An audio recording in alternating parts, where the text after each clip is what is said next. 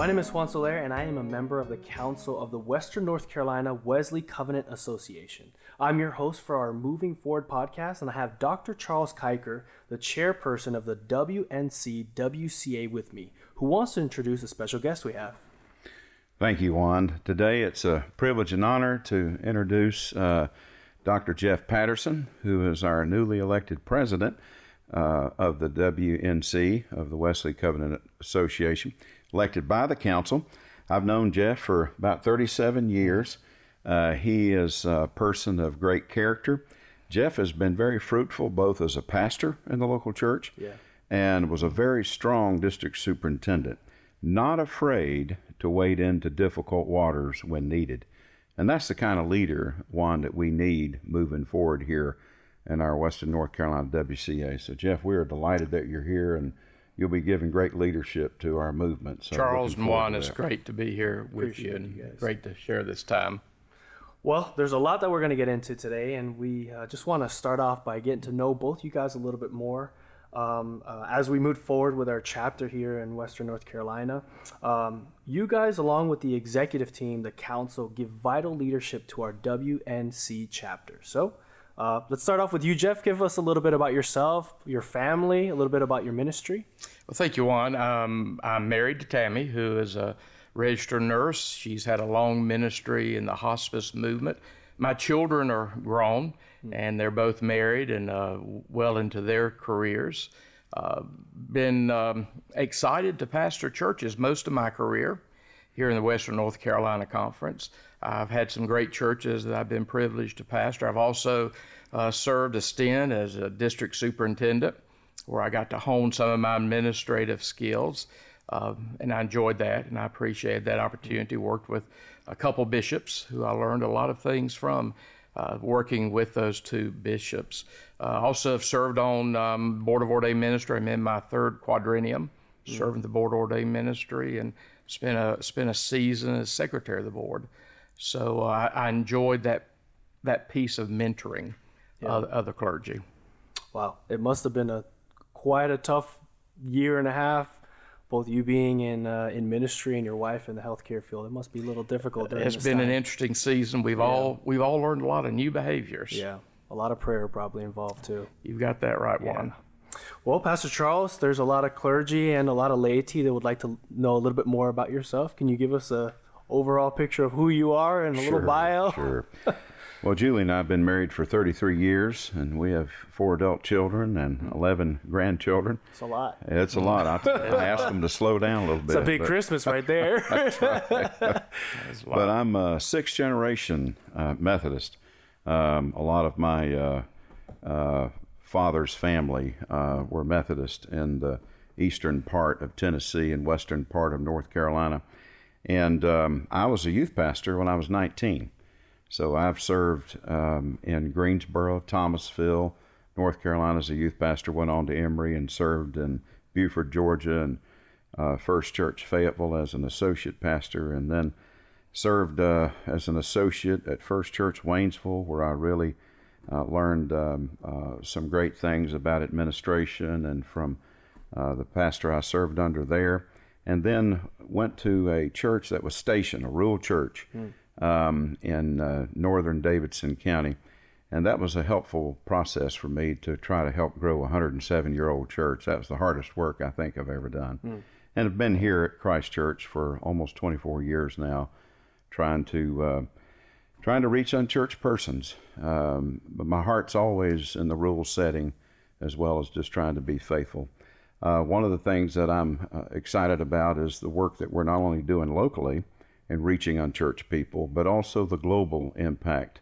And it's through World Methodist Evangelism that I was able to find out about opportunities.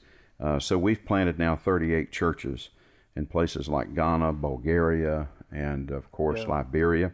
And I've had the privilege of teaching leadership in East Africa and, and six different countries in West Africa. So I'm passionate about our global Methodist Church and what it could mean for us here in America as well as for the whole global impact. Yeah.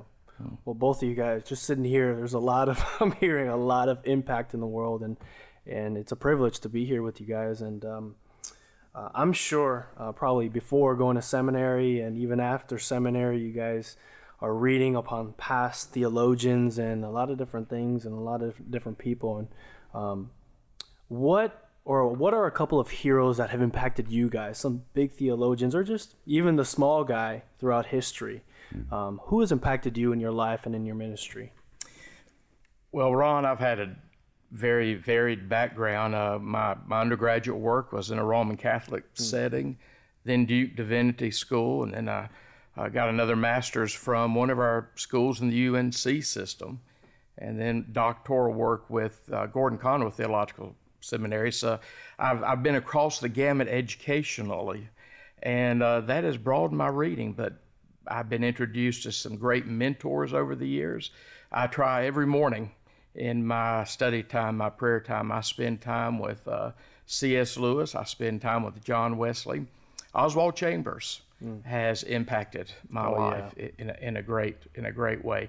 A.W. Tozer is someone else I seek to listen to every every day uh, to, to, keep me focused on what's important in the Christian ministry. Yeah. Uh, but I've also um, I've also grown from reading some of the early church fathers, people like Tertullian. Uh, I was heavily impacted uh, studying uh, the rule of Saint Benedict from the sixth century. So I, am grateful for the way God has given me a, a very, very diverse background theologically. Uh, but I've also been able to see through all of those different settings the richness of the gospel and that stream of historic Christianity that, that flows so so strongly. Mm. Uh, but those are some of the people that um, continue to mentor me in my life right now. Yeah. What about you, Pastor Charles? Well, I've had a, a, a pleasure of being able to be exposed to different schools of theology as well, but I was a I was a rural guy. I grew up in the middle of tobacco fields in southeastern Guilford County. I was a country boy. And uh, at the end of my junior year, between that summer of my senior year, I was called into ordained ministry in, in the United Methodist Church. And um, I went to see Dr. Jim Hull at Greensboro College. And um, he allowed me to do a research project using his PhD thesis that he did at Edinburgh on John Wesley. And so I did that for my senior year in high school and just fell in love with Wesleyan theology. And I think why I loved Wesleyan theology is because John Wesley was really in pursuit of the truth.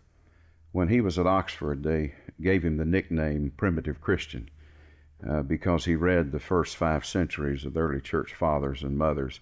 He devoured the mystics, he read the Cambridge Platonists, and then, of course, his dialogue with the Moravians is what really led him hmm. to uh, focus and centering his uh, faith in Christ.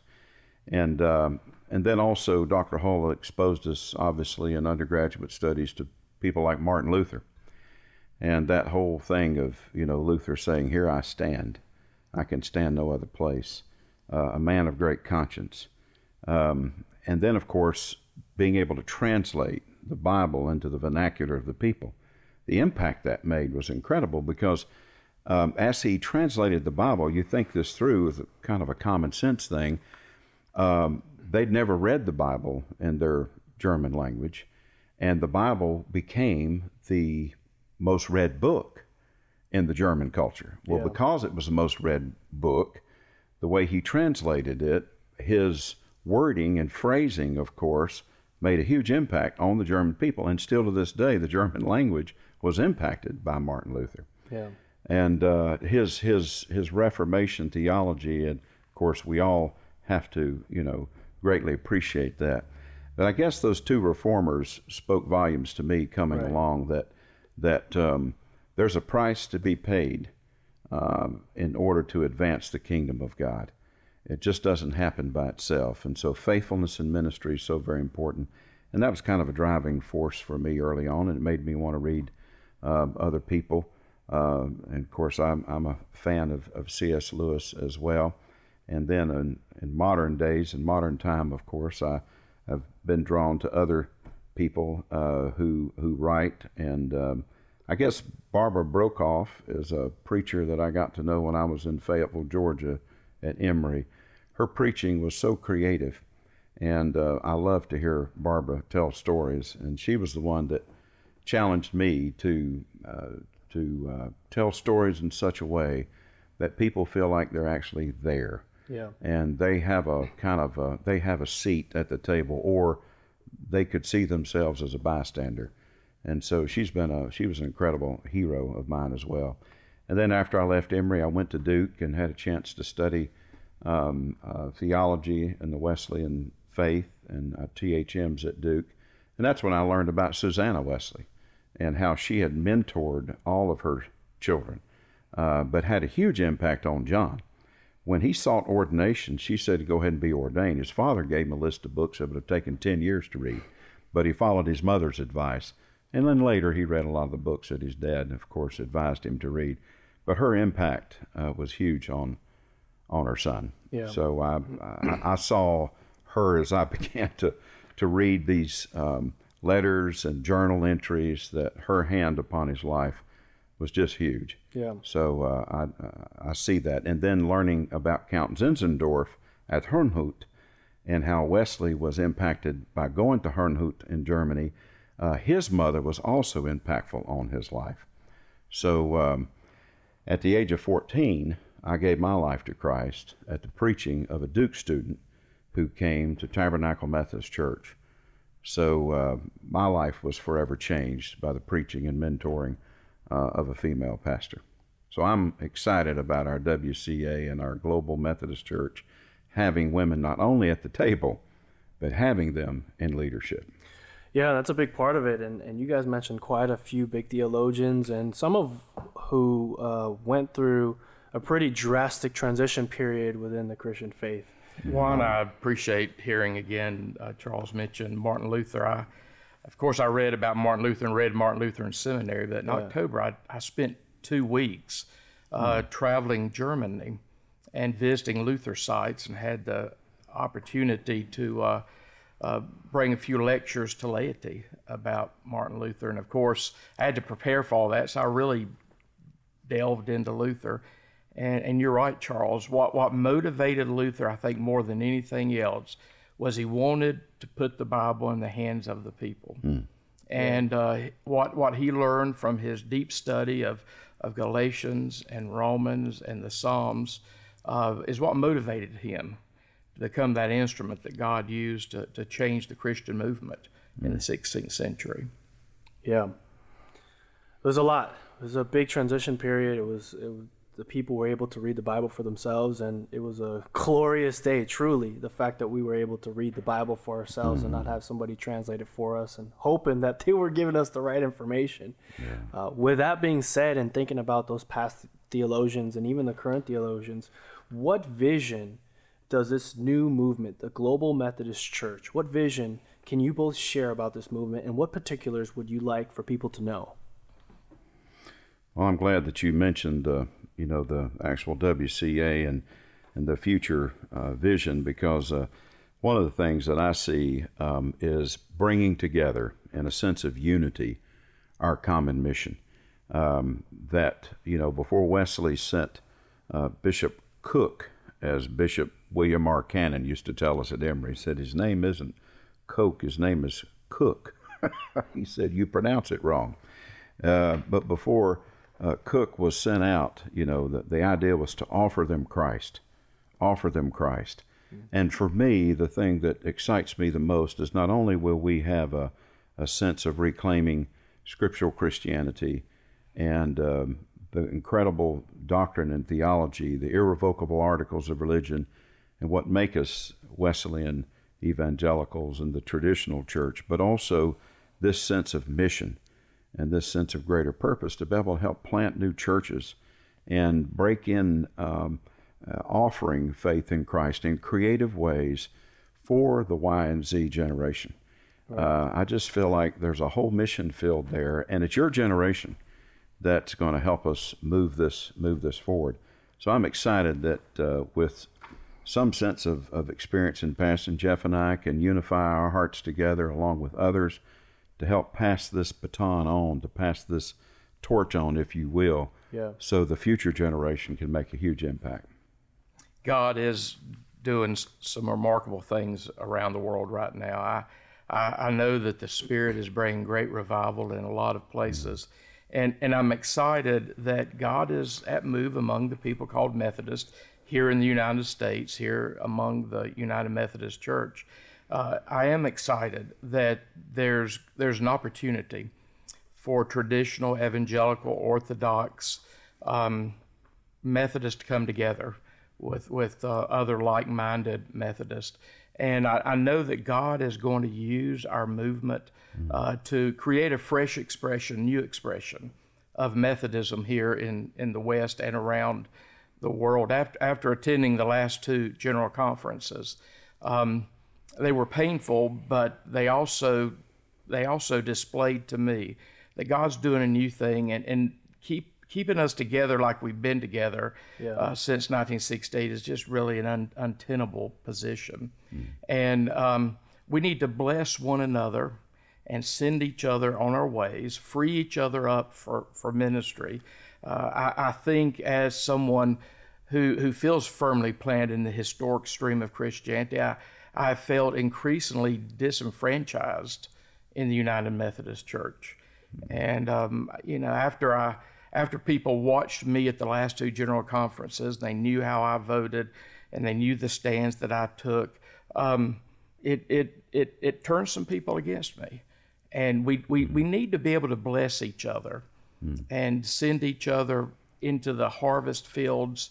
Um, I, I'm committed to the Wesleyan way of evangelism, the Wesleyan way of revival. And I, I think God's going to use the WCA and the GMC and the people that are brought along in that movement uh, to, to help us here uh, in the United Methodist Church presently, to help us create this new expression so that we can be part of the revival, the renewal work that God's doing around the world today. Yeah, that's good.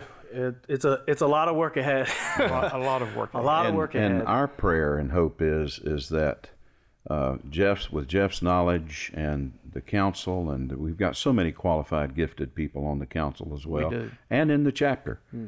Um, and and and we're we're asking for more people to come forward because we really want a Revelation chapter seven WNCWCA. We want all tribes and nations yeah. represented. We want Hispanic persons to feel that they can be at home in this movement.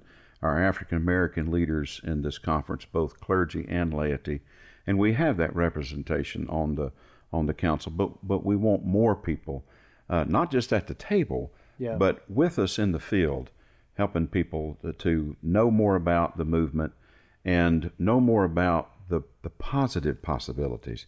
Because I, I, I'm so excited about the positive things, and so often we talk about the negative things. But I really want to see us as as as Dr. Patterson already alluded to, to to bless other people. Yeah. Uh, your generation is looking on the United Methodist Church right now and the Wesley Covenant Association. They're looking to say, can these people do this in a Christ like way? Can they shake hands, look each other in the eye, and simply say, you know, we just honestly disagree? Yeah. There is no sense in Christians being at war with one another. And so, therefore, the protocol for grace and reconciliation through separation is a wonderful title. And it really ought to be our marching orders to love and honor each other and to never, ever dehumanize one another. I mentioned Dr. Jim Hall earlier at Greensboro College. He said if you dehumanize another person, you cannot do that without first dehumanizing yourself. And my prayer and my own sense of calling is is for us to honor and respect one another as we move through these these uh, these challenging days, and that we would lift up the cause of Christ and the mission of Christ, and honor and respect people as we go through it, and we would not see ourselves at war with persons who disagree with us. Yeah. And I want us to lead the way in that. Um, I, I just believe that it's not just that persons who are unchurched are watching and a churchless generation, but I believe the kingdom's watching too. And I want the Lord to, to bless this, and I think the Lord will if we have the right heart and mind. Well, we have a couple of questions here, um, but before we get into that, what would you guys say to maybe some pastors or some churches that are kind of on the fence or are having that sense of fear maybe from repercussions or just you know i'm kind of used to this. I don't know what that new pasture looks like. You, we all know that old saying you know uh, that the greener grass is you know all that stuff. But um, what would you say to those churches and those pastors? I think that people need to do their own soul searching. One of the things i realized at the last two general conferences is um, that fence that a lot of us have enjoyed sitting on has just been knocked out from under us. Mm. I, I, think we're we're being um, almost forced uh, to to find our place among the people called Methodist.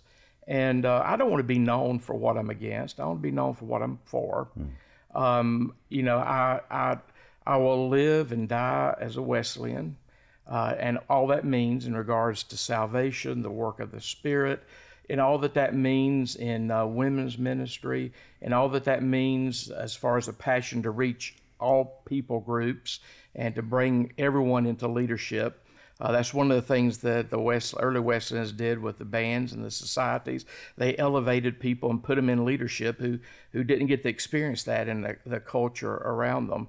Uh, I, I, think um, you know, it is sad, I, but I, I, understand the fear that people have, the trepidation that people have. Uh, I just keep saying to leaders in our connection that we have to be committed to blessing each other, helping each other find the, their way, helping each other to follow their conscience, and helping each other to land well. Uh, because if we don't stay committed to that, uh, we will get involved with manipulation and coercion, mm. and there's just no place for that in the body of Christ. Yeah. It's important that people be informed, and I think that's one of the sad things that is that uh, so many are afraid to talk about it, and they're afraid that if they call their church together to have information gatherings, that somehow they'll be penalized, um, and uh, that's that's not good because how can people make an informed decision, a prayerful decision, through fasting and prayer, seeking the wisdom of God if they don't have the right information in front of them from both perspectives? Yeah. I went to a liberal arts college, Greensboro College, and I was trained there that you hear both sides or multiple sides of issues and and look at things from di- from different directions. And then as an adult, you make an informed choice. I want us to treat one another as adults, not as children. And so I think it's important that people have the right information in front of them, and then they can make their own prayerful decisions. That's why I send people to the website for Liberation Methodist Connection. I send them mm-hmm. to UMC Next. I send them to the WCA website. Um, and I send them to the GMC website. People, we, we can trust our people to, to, to seek the to seek wisdom and to get the information. It concerns me that it almost seems that some of our leaders, uh, out of a sense of wanting to protect the institution, mm. they don't want people to get the information. Yeah. And we need to be getting the information into people's hands. Well, I have four questions for you guys here. Um, the first question is if I join the WCA as a member or my church joins, then does this mean that I am now leaving or have left the UMC? Not at all. When you join the WCA, it gives you access to some of the information that Dr. Patterson's talking about, and and you're able to be better informed. And then, if the protocol does pass at General Conference, and we do pray that it will take place August 29th through September the 6th. Mm then there will be decisions that need to be made. Uh, but joining the WCA now, either either as an individual or as a church, doesn't mean you're leaving the United Methodist Church. In fact, you can't join the WCA unless you are a United Methodist. Right. And so it just allows you to be able to have information and to be able to prayerfully walk through this. Then, if your church decides not to, then you've gotten to that point of hopefully conf- uh, confidence and conviction of where you are. Uh, but by joining, you're not leaving the United Methodist Church at all. We've always had a lot of strong groups within Methodism mm. that have helped our people uh, discern their way forward. Uh, the, Wesleyan Covenant Association is another one of those groups. Uh, it was great to be there at the founding with a lot of uh, the, I think, some of the greatest theologians and thinkers among the people called Methodist. It was it was a great conference, founding conference in Chicago. Uh, we we climaxed with the uh, profession of the Nicene Creed. Uh, the WCA is just another organization uh, that that is helping people find their way forward. Um, yeah, you have to be United Methodist yeah. to be a member of the WCA. For those churches that are, like I said, that are on the fence, why would they join the WCA if they're not going to be forced to perform same-sex marriages and things like that? Why would they go to a new movement if they're not going to be forced to do what kind of Juan of the problems are? Well, I think if you look at the history one, uh, through the mainline Episcopal Church, the mainline Presbyterian Church, the mainline the Lutheran churches, that same promise was given to traditionalists. And, um, you know, I, I, I, suspect there's some traditionalists in those movements today that would say that they've been okay with that. But there have been a lot of traditionalists in those movements who tried to stay with, with the mainline church, but hold to their biblical convictions, who would say that the pressure and the intimidation and the coercion to, to get with the show, get with the game, has has been more than they could deal with. So even though uh, it's been typical in the last 20 years for these mainline churches to say we will make room for the traditionalist, but it just never ends that way. Yeah. 2003, when the Episcopal Church went the way as Jeff is referencing, uh, the promise was given that if your diocese or your church doesn't want to perform same sex unions, etc., or welcome in uh, practicing homosexuals as ordained clergy, you don't have to.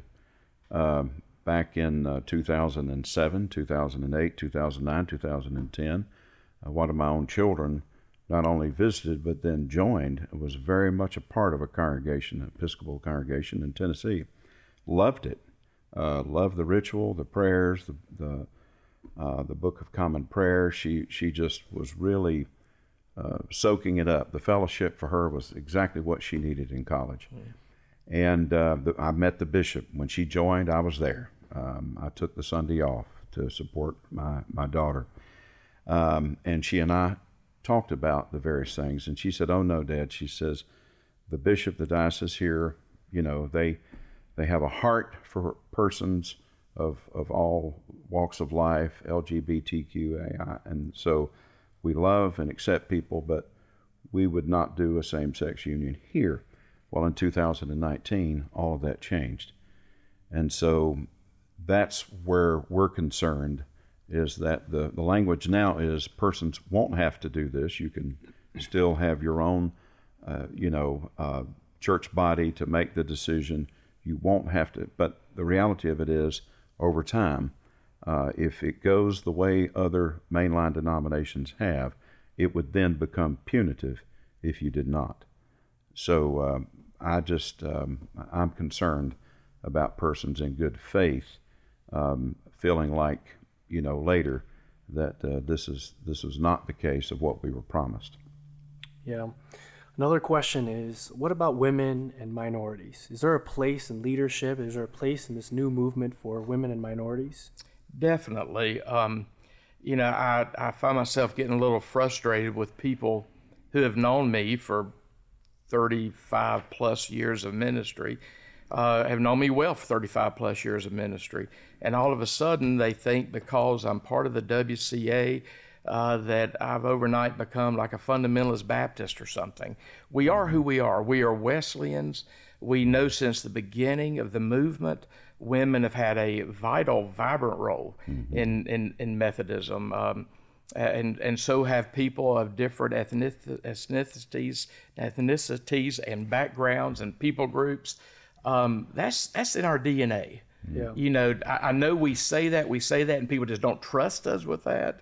But um, I think they can trust. I know they can trust us in what we're saying concerning uh, people people of different walks of life and, and and and women in ministry. If they if they look at what we say as the WCA, I, wish they would just grant us um, the respect to take us at, at our word till we prove otherwise.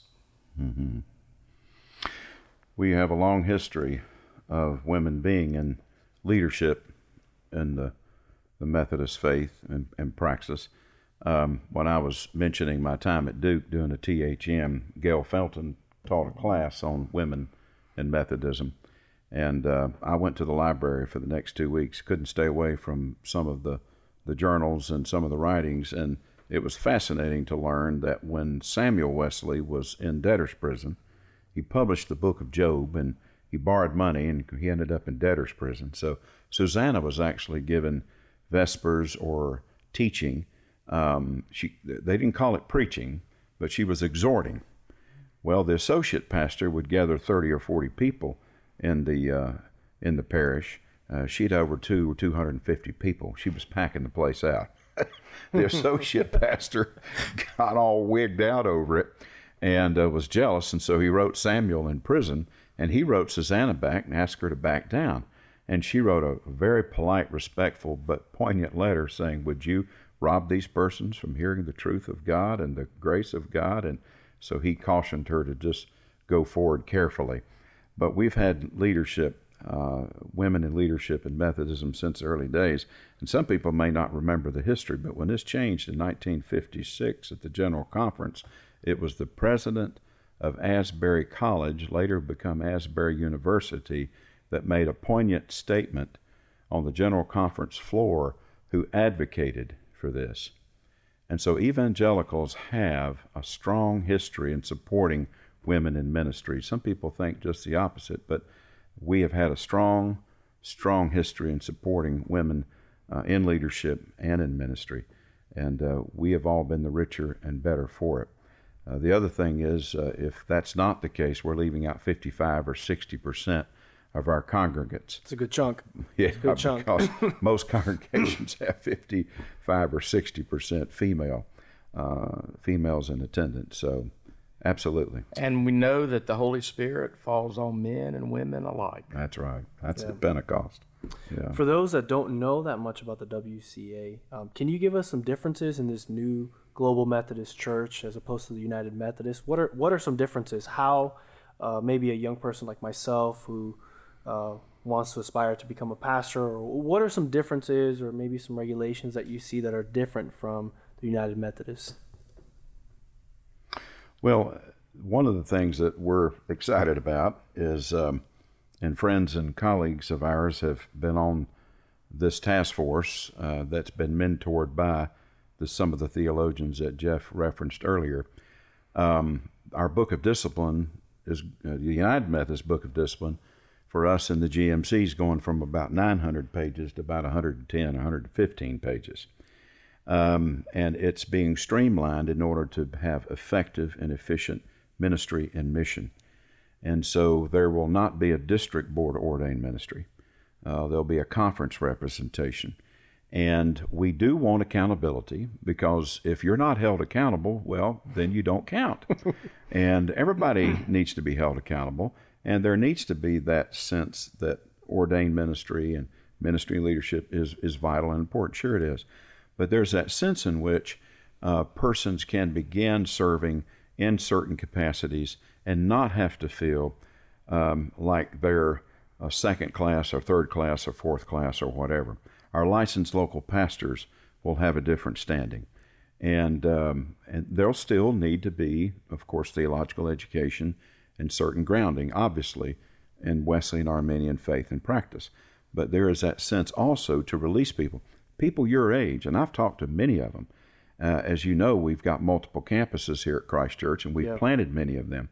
Well, I've talked to many people who are really Arminian, um, and they're not Reformed, um, but they're concerned about having to go through seven or nine years like to be an years. ordained elder just to be able to help plant a church if they're under the supervision of an ordained elder who can mentor and then still be accountable to a board of ordained ministry. So we're looking at creative ways to be able to help that process. Yeah. That doesn't mean there's not expectations. Sure, there are. But this sense of, of having to feel like you've got to go through seven or nine years before you can even plant a church, that's holding back, we believe, a lot of passion that we're losing to other denominations or to non-denominationals. So, you know, in the last 20 or so years, we've helped congregations become structured in such a way that they could be more nimble, more mm-hmm. flexible mm. in doing ministry. And it seems like in that same period of time, we've gone the opposite direction when it comes to uh, the United Methodist Church and um, uh, the Book of Discipline. It is over 900 and some pages. And as someone who has served as a district superintendent, I'll guarantee you it's very difficult to even know how to lead sometimes because none of us know what all's in that book of discipline. Mm. And we need to free our people. Uh, you can go to the WCA website and you can you can find a proposed book of discipline. They can go to a convening conference, and I'm excited about a lot of the reforms that are being proposed um, through the WCA and a proposed new discipline. Um, some that Charles has mentioned, um, but everything from episcopacy uh, to the local church, I think we can streamline. We can go back to our roots more. Uh, and we can empower and free people from ministry. I, am I'm, I'm excited to see the local pastors um, ha- have a better route toward ordination because it does seem today in the UMC that um, they, they, they tend to be second class citizens. And that's mm-hmm. always grieved me in the UMC. But um, we, we've been looking at some of these reforms for a couple decades, more than a couple decades in the UMC, and we mm-hmm. just haven't been able to uh, bring them into reality. But uh, I think the WCA working on um, birthing a new expression of Methodism has the opportunity to start with a blank slate yeah. and to create something uh, mm-hmm. that can empower us for ministry. What it, what will keep uh, me from waking up in 2050 and seeing that uh, the book of Dif- discipline went from 100 pages back to 900 pages in this new expression. What what is in place for us to avoid that situation? Hmm. i think some highly committed persons who remember their history because if we don't remember our history we're likely to repeat it. Yeah. And uh, you think about it what we're doing really uh, and that's christ church for so many different reasons, uh, has been uh, sometimes looked at suspicion over the last 23 or 24 years. When I came in 1998 after doing a THM at Duke and then a doctorate in apostolic leadership at Asbury, my passion was to allow Wesleyan evangelical faith and praxis to be lived in the 21st century. That's all I wanted. So, our foundation for discipleship is life groups, i.e., class meetings, bands, evangelism is reaching out. Wesley preached in the open air. Mm. Um, and so our passion is to reach and then disciple people. That's why I'm excited about this new movement. Because if you go back to 200 years and you know anything about American Methodism, the very thing Jeff talked about earlier, we had circuit riding preachers that had education, and they would go around and they would train. I loved his expression. They would release people into leadership. They would train and equip people, then they would release them. The blacksmith and the local town or village, when he was awakened at a Brush Arbor meeting and came to faith in Christ, he would have been discipled by this circuit riding preacher. And within a month or two, he would start leading studies, Bible studies, and prayer meetings. And then within six months or a year, he became a lay preacher, if you will. Well, when the blacksmith stopped cussing and telling dirty jokes when people came to get their horse shoed, and they saw the life transformation in the blacksmith, they were like, this Christ thing, this Christianity thing's for real. And he, of course, was the blacksmith until he became more of a full time preacher. That's what we did 200 yeah. years ago. Uh, we couldn't afford $78,000 or 80 whatever it is for a full starting salary of a Methodist pastor with insurance, pension, and everything else. Uh, and so lay preachers were informed, they were uh, mentored, and then they were released to do ministry. And that's why I'm excited about this new movement because it really is an echo of our history 200 years ago when we were effective and efficient. We were planting over a church a day back yeah. in the 1800s. And the only one that's doing that now in our Wesleyan faith is the Assemblies of God. They're planting four to 500 churches a day, or excuse me, a year, uh, over a church a day throughout the world. I believe we can reclaim that again as our as our passion. And the question that you ask, Juan, is so is so significant and it gets at the root of one of my concerns or one of my my excitements uh, concerning the future. One of the mottos of the Protestant Reformation was always reforming. Hmm. And coming out of the context of the Protestant Reformation, uh, it really meant always being reformed by the Word of God. One of the things I've noticed in the modern iteration of Methodism is even when General Conference tries to reform, and it may even get passed, some reformation get passed at General Conference that everybody in General Conference knows we need to bring about in the Methodist Church was sometimes because of Constitution, Book of Discipline, Judicial Council. Um, we, we, we, we became impotent.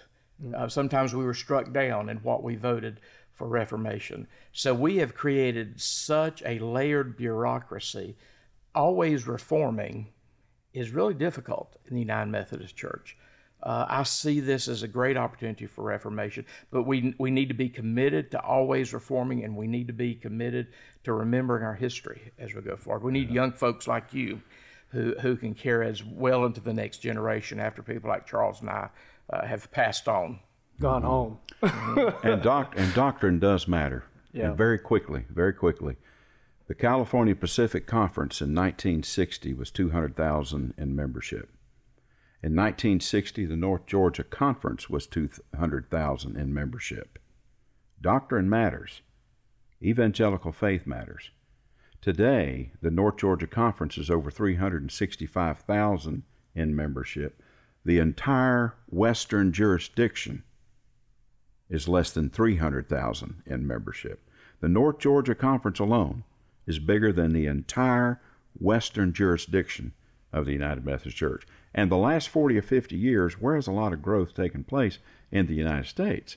Places like Washington, Seattle, Las Vegas, places, uh, California itself has grown exponentially the last 40 or 50 years, yet the Methodist Church is dying in the Western jurisdiction. Yeah. And just to give you another uh, illustration of that, the district I served here in the Western North Carolina Conference of five counties uh, the Methodist in those five counties, we were half the size of the Western jurisdiction. Just those five counties here in um, Western North Carolina. About 20 years ago, I worshiped in a church uh, in the Western jurisdiction in San Francisco, um, and I, I, I witnessed a baptism without any reference to the Trinity at all. A doctrine does matter. Doctrine definitely matters, and um, it can't just be in the opening pages of the discipline. I mean, it has to be um, in the life of the church. Yeah. Uh, well, a lot is, is up in the air right now, and assuming the General Conference meets on August 29th through September 6th in Minneapolis, and the protocol of reconciliation and grace through separation is approved, which is what we're hoping for.